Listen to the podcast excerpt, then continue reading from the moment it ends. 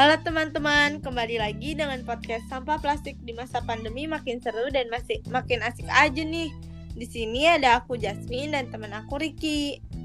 Halo halo semua, kenalin nama aku Riki. Kami ini dari grup C Matkul DLC Fresh Unif BET 2020. Di sini kita juga nggak berdua aja loh.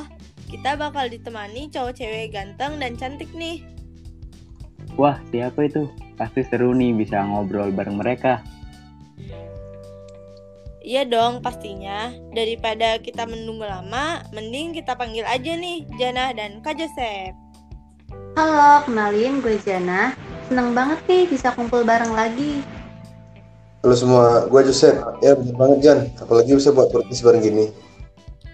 Iya dong pastinya. Kita senang bisa kumpul lagi nih. Min, kita di podcast ini juga ada cewek lagi kan ya? Iya, ada. Daripada lama dan penasaran, langsung aja nih. Mari kita panggil. Halo Dian.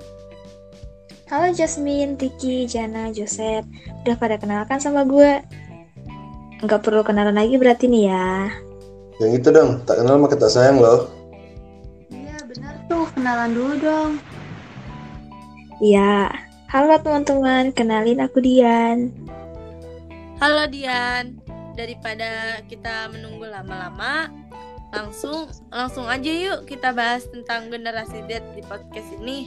Nah, di sini ada teman kita nih, dia tahu banyak loh tentang generasi Z dan juga dia ganteng banget, mirip Jeremo Jeremo Pauline gitu. Wah, topik generasi Z sangat excited nih gue. Pasti seru nih, apalagi yang bawain cowok keren dan cakep.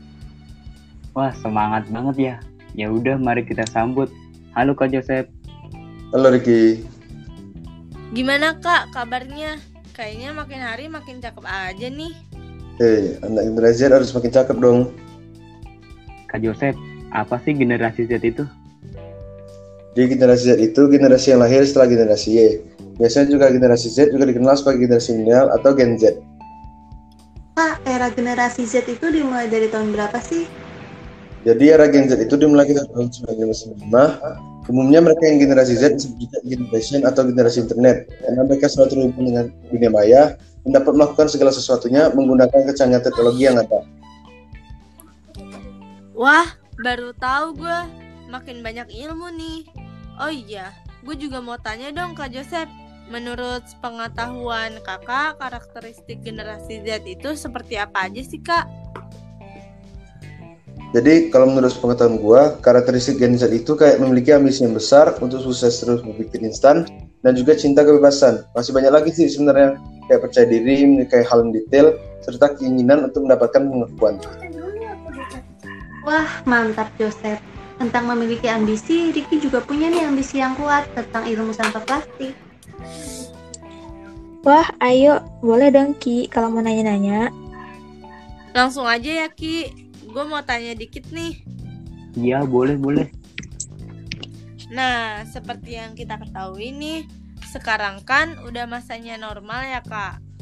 Sekarang bisa keluar nih, cuma bedanya sama di beberapa bulan yang lalu, kan kita kemarin itu pandemi harus di rumah saja. Dan pada saat itu juga banyak orang yang menggunakan delivery makanan yang secara nggak langsung orang-orang pasti banyak banget yang menggunakan sampah plastik. Nah, menurut Ricky, karena di masa pandemik ini banyak nggak sih orang-orang yang menggunakan sampah plastik apa malah berkurang? Di masa pandemi, di masa pandemi, sampah plastik masyarakat harusnya akan bertambah ya. Tapi yang pertama itu kalau kita berbicara tentang konsumsi plastik, permasalahan plastik yang terjadi pada saat pandemi itu terbatas pada saat setiap orang membutuhkan plastik untuk order makanan atau membungkus makanan gitu. Padahal ada masalah yang lebih krusial di mana bagaimana sampah plastik itu diproduksi dalam jumlah besar dan lagi akan masyarakat di masa pandemi ini dia tetap butuh makan, butuh barang, butuh buat bungkus-bungkus. Ya pastinya tingkat konsumsi plastik tidak akan menurun di masa pandemi ini jadi kesimpulan awal yang bisa kita tarik seperti itu. Oke Deki, jadi karena kebutuhan juga pasti sampah plastik bertambah ya di masa sekarang ini. Ya jelas pasti, tapi perlu disadari juga penggunaan sampah plastik dan hanya pada kebutuhan bukan hanya kebutuhan bungkus barang atau belanja online. Dan kan bahan plastik. Nah, kelengkapan kesehatan yang kita gunakan juga berbahan dasar plastik. Artinya ya yang semisal masker. Nah, jadi masker kemarin di awal pandemi untuk masker medis yang bisa kita beli misalkan di Indomaret langsung habis atau APD alat pelindung diri. Baju gitu ya itu diproduksi dengan bahan-bahan yang mengandung dan tinggal Jadi mungkin untuk kayak pembuangan sampah itu sendiri kan orang banyak kan ya buang sampah sembarangan. Itu masih banyak gitu nggak sih? Tergeletak atau berkurang gitu Ki? apa ya? Aku nggak memantau orang buang plastik di mana. Tapi gini di Indonesia sendiri untuk dalam keadaan biasa itu pengolahan atau manajemen dari sampah plastik masyarakat artinya bukan masyarakat yang hanya melakukannya tapi semua unsur terlibat termasuk pemerintah gitu yang menyediakan fasilitas tempat sampah atau pengolahan sampah plastik itu juga tidak memadai dan tidak akan bertambah baik juga hanya karena orang berada di rumah atau tidak keluar rumah. Artinya ya keluar rumah sampah plastik di jalanan emang akan berkurang. Namun enggak juga orang akan membuang sampah plastik yang dihasilkan dari rumah itu keluar rumah dong. Masa tetap disimpan di rumah? Kemungkinan pasti pada buang di dekat rumah seperti selokan atau kan Iya bener banget Ki. Mungkin kota akan terlihat lebih bersih dari sampah plastik, tapi hanya terlihat seperti itu, hanya sampahnya aja yang berpindah. Tempat dari lingkungan yang biasanya ramai, mungkin sekarang lebih ke tempat perkarangan rumah atau perkomplekan. Hmm, mungkin untuk sampah plastik yang lebih ringan, makanan gitu, mungkin nggak sih Ki ada pengganti penggantinya plastik-plastik kayak gitu? Mereka kan tetap dibutuhkan, cuma untuk penggantinya juga masih belum tahu kan.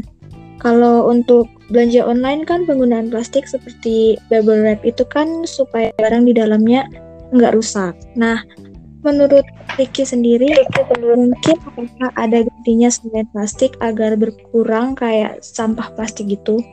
Mengenai penggantian barang plastik, semisal bubble wrap, untuk keamanan barang ya, kita kan nggak bermusuhan dengan plastik kan.